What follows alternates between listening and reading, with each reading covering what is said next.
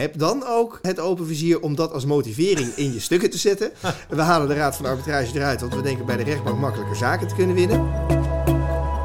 Dit zijn de 10 minuten van Thomas en Daan.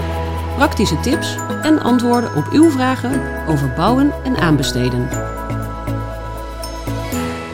Welkom bij de eerste editie van de 10 minuten van Daan en Thomas. Misschien goed om even uit te leggen wat het idee is uh, van die 10 minuten van. Uh, we krijgen uh, eigenlijk sinds we de podcast opnemen al regelmatig vragen van mensen die naar de podcast luisteren. Soms tijdens besprekingen, uh, een aantal keren ook via de mail. En wij dachten, zou die leuk zijn om een wekelijks rubriekje te maken van een podcast die, nou ja, zoals de titel al luidt, minder dan 10 minuten duurt, waarin we uh, zulke vragen uh, met elkaar bespreken. We gaan het uh, hebben over, nou ja, in dit geval het aanbestedingsrecht. Nou, dat is niet helemaal waar, want ik heb natuurlijk in de vraag gespiekt. Het is, het, het is eigenlijk bouwrecht puur zang, alleen de, zoals altijd ligt de, de bron van de ellende weer in het aanbestedingsrecht. Precies, dus we, begin, we moeten eigenlijk zeggen inderdaad, het begint bij het aanbestedingsrecht en gaat vanzelf over op het bouwrecht natuurlijk. Houd ons niet langer in spanning, Thomas. Ik hou je niet langer in spanning. Ik zal je vertellen welke vraag er gesteld is. de vraag is waarom, er, waarom aanbestedende diensten zo regelmatig eigenlijk afwijken van de geschillen regeling in de UAV en in de UAVGC. En waarom ze de voorkeur geven aan geschillenbeslechting door de rechtbank in plaats van door de Raad van Arbitrage voor de Bouw. Ja, dat is want... iets wat ze, wat ze opvalt. En de aanbestedingsrechtelijke vraag is: wat kun je daar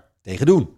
Ja, want standaard staat gewoon in de UAV, als je ruzie hebt, ga naar de Raad van Arbitrage. Ja. In de UAVGC staat, ga eerst naar de Raad van Deskundigen. Maar ja. die zie je al helemaal nooit in een contract. En nee. daarna naar de Raad van Arbitrage. Ja, ja precies. En zo'n beetje op Rijkswaterstaat na, zegt elke provinciale gemeentelijke overheid, in afwijking van, staat er uh, te lezen, we gaan naar de rechtbank. Ja, dat is wel, vrijwel altijd. Jij ziet het nog vaker dan ik natuurlijk. Maar, ja, maar is dat erg, Thomas?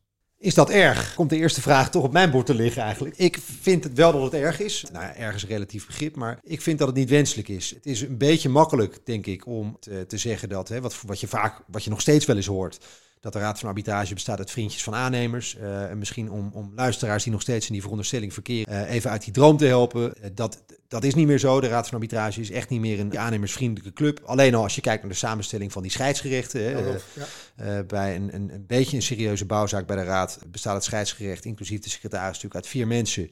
Waarvan er in ieder geval twee juristen zijn, inclusief de voorzitter, hè, die is ook ja. jurist. Dus het is echt geen clubje aannemersvriendjes meer. Nee, steken nog hooguit één arbiter-aannemer natuurlijk. En Precies. dan is er, uh, maar soms niet eens, nee. maar je hebt de adviseursgroep, hè, waar de ingenieurs in zitten en de architecten. En je hebt de opdrachtgeversgroep, waar gerenommeerde ja. mensen zijn die jarenlang aan de opdrachtgevende kant zaten. Ja, dus dat is echt een branchebrede uh, selectie ja. eigenlijk van, uh, van, uh, van leden. Dus dat beeld van de Raad van Arbitrage, voor zover mensen dat nog mochten hebben, dat klopt echt niet. En waarom is het een nadeel? Ik, ik kan, nou ja, wij procederen natuurlijk heel vaak bij de Raad ja. en ook bij de rechtbank dus. En als ik nou even kijk naar mijn eigen ervaringen bij de rechtbank in de afgelopen jaren, wat ik altijd een groot probleem vind bij de rechtbank. Kijk, een, een beetje serieuze bouwzaak gaat meestal natuurlijk niet over een hele makkelijke zwart-wit juridische vraag. Maar die gaat vaak over vertraging ja. en over uh, nou ja, de 10 of 20 meerwerkposten waar je uh, iets van moet vinden. Dat soort zaken lenen zich niet zo goed voor een rechtbankbehandeling, is mijn ervaring. Zeker van de laatste jaren. Want wat merk je tegenwoordig bij de rechtbank? na de dagvaarding en de conclusie van antwoord, eventueel met een reconventionele eis, kom je gewoon op zitting. En niet alleen kom je direct op zitting en heb je dus geen gelegenheid om nog een extra schriftelijk stuk in te dienen. Maar je krijgt meestal ook maar 10 minuten spreektijd. Ja. dus mijn ervaring is dat, dat, dat je eigenlijk niet meer op een fatsoenlijke manier kunt procederen als de rechtbank op die manier met dit soort discussies omgaat. Maar mijn ervaring is ook dat de rechtbank er niet op zit te wachten. Want die zeggen de zitting al, al vrij snel. Ja, dames en heren, als het hier technisch gaat worden, daar ben ik niet voor opgeleid. En kan je helemaal vaak niet kwalijk nemen dan ga ik een deskundige inzetten. Dat is een bijkomend probleem eigenlijk. Hè? Dus dat je de, dat de expertise die je bij de Raad van Arbitrage al zeg maar, hebt. Ja, uh, dus ga je via een omweg nog steeds een soort arbiter inzetten. Alleen op een vervelende manier met ingelijste vragen. Uh, exact. En nog twee bijkomende nadelen, namelijk dat het veel langer duurt. Uh, en dat de kosten natuurlijk veel hoger worden. Ja. dus, dus, dus het is echt een, dat is echt een. Dat zijn eigenlijk twee zelfstandige nadelen. Dus je hebt inderdaad die. De, de, ze moeten de expertise ergens vandaan halen. Overigens, maar daar wordt het wel een beetje, begeef ik me wel een beetje op glad ijs, maar ik zie ook nog wel eens wat meerwaardige juridische redeneringen die ik niet, uh, niet, niet altijd ten nadele van, nee, van onze cliënten, maar waarvan ik denk van, goh, klopt dat? Maar goed, dat... dat... Maar dat, ook daarvoor geldt natuurlijk, die, het is niet dat een raad van arbitrage scheidsrecht uit alleen maar techneuten bestaat, maar ook uit juristen die gespecialiseerd zijn in het bouwrecht. Exact. Die dus het bouwrecht beter snappen dan een dat, rechter precies. die morgen weer een echtscheiding doet. Nou, je, je had me de woorden uit de mond inderdaad. Maar Thomas, uh, wat vinden rechtbanken zelf eigenlijk? Zien die de raad van arbitrage als een soort vervelende concurrent? Ik geloof dat dat helemaal niet zo is. Ik denk dat, ze, dat de meeste rechters die bouwzaken liever zien gaan dan komen, eerlijk gezegd. En daar is één extreem voorbeeld van, Daan. Uh, en ik heb, voor de grap heb ik hem meegenomen. Je mag het dikte mee verlezen. Kijk aan. Even kijken. Het Griffie-dossier in deze zaak is zeer omvangrijk en neemt bijna een volle verhuisdoog in beslag.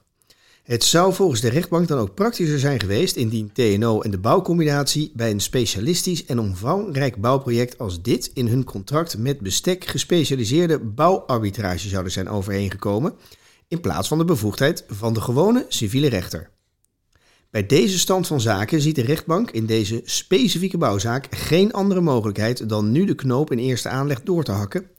Gezien de voorgaande rechtsoverweging zal de rechtbank dat doen door alle in conventie en in reconventie ingestelde vorderingen af te wijzen als zijnde onvoldoende onderbouwd en niet toewijsbaar naar de uitgebreid gemotiveerde feitelijke, technische en juridische betwisting door de wederpartij van aan al die geldvordering ten grondslag liggende stellingen. dat is echt schitterend. Dit kan trouwens ook niet, hè? Het is gewoon rechtsweigering. Maar... Ja, dat is inderdaad rechtsweigering. maar jouw punt, Thomas, ze zijn ze liever kwijt dan rijk. Dat uh, is, is duidelijk, uh, in ieder geval bij deze rechter duidelijk. Ja, ja, en ik denk dat veel andere rechters er ook wel zo over denken. Maar ja, die hebben niet het lef om dat zo op te schrijven natuurlijk. Jij daagt ze uit. Maar dan, hoe komen we er vanaf?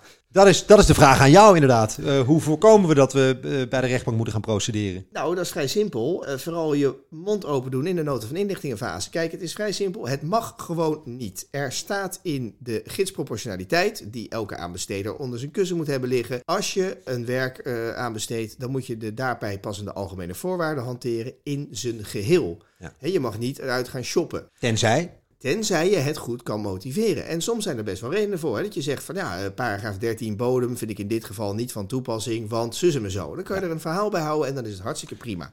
Maar wat is nou het grappige? Iedereen haalt er altijd uit de rechtsgang. Hè? In plaats van raad van arbitrage, lees, rechtbank. Maar niemand motiveert even netjes waarom. En ik snap ook wel waarom. Want als je ik vraag graag genoeg mensen van overheden. Zeg ik, waarom heb je het eruit gehaald? Ja, we hebben laatst uh, twee uh, zaken bij die Raad van Arbitrage verloren even niet bijverteld dat dat dan rechtmatig gewoon was. En uh, ja, we hebben hopen dat we bij de rechtbank makkelijker kunnen winnen. Ja, dan zou ik zeggen, heb dan ook het open vizier om dat als motivering in je stukken te zetten. We halen de Raad van Arbitrage eruit, want we denken bij de rechtbank makkelijker zaken te kunnen winnen. Uh, maar in de reden, regel wordt er geen motivering gegeven, uh, wordt het alleen maar gezegd.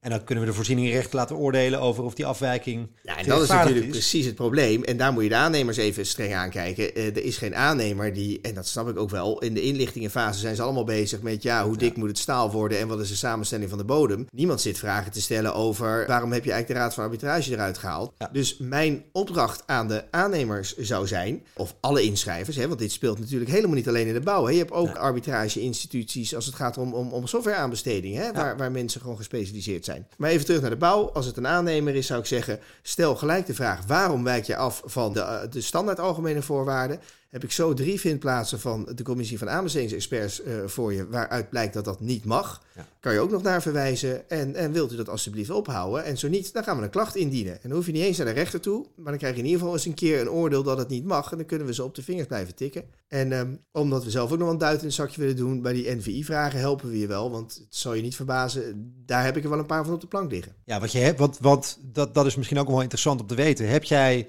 persoonlijke ervaring met het maken van bezwaar tegen dit soort afwijkende regelingen? deze specifiek, hè, bedoel ik? Uh, nee, want ik heb wel eens uh, cliënten geholpen met NVI-vragen erover. Maar ja, 9 van de 10 keer zeggen ze, ja, kom nee, tuurlijk, tuurlijk. Ik, ben, ik ben drukker met andere dingen. Ik ga hier geen bezwaar tegen maken. Nee, dat snap ik ook wel. Ik, ik, wil de uitnodiging wel neerleggen. Als je het een keer wilt doen, dan, dan, dan lijkt het me leuk om dat als een soort proefproces eens een keer met je te doen. En nogmaals, we hoeven niet voor naar de rechtbank, maar gewoon eens even een keer een lekkere klacht. Kan notabene anoniem bij de commissie van aanbestedingsexperts. ik, ik dien er met liefde voor je in. Die, ja. die krijg je van het huis. Ja, en ik merk ook dat jij wel redelijk.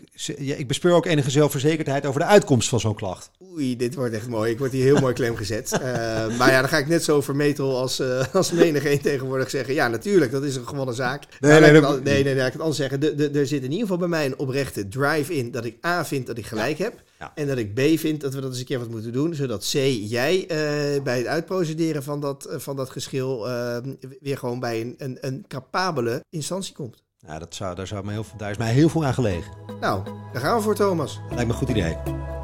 Dit waren de 10 minuten van Thomas de Leeuwen en Daan Versteeg. Heeft u een vraag voor ons? Mail naar podcast.rozemond.nl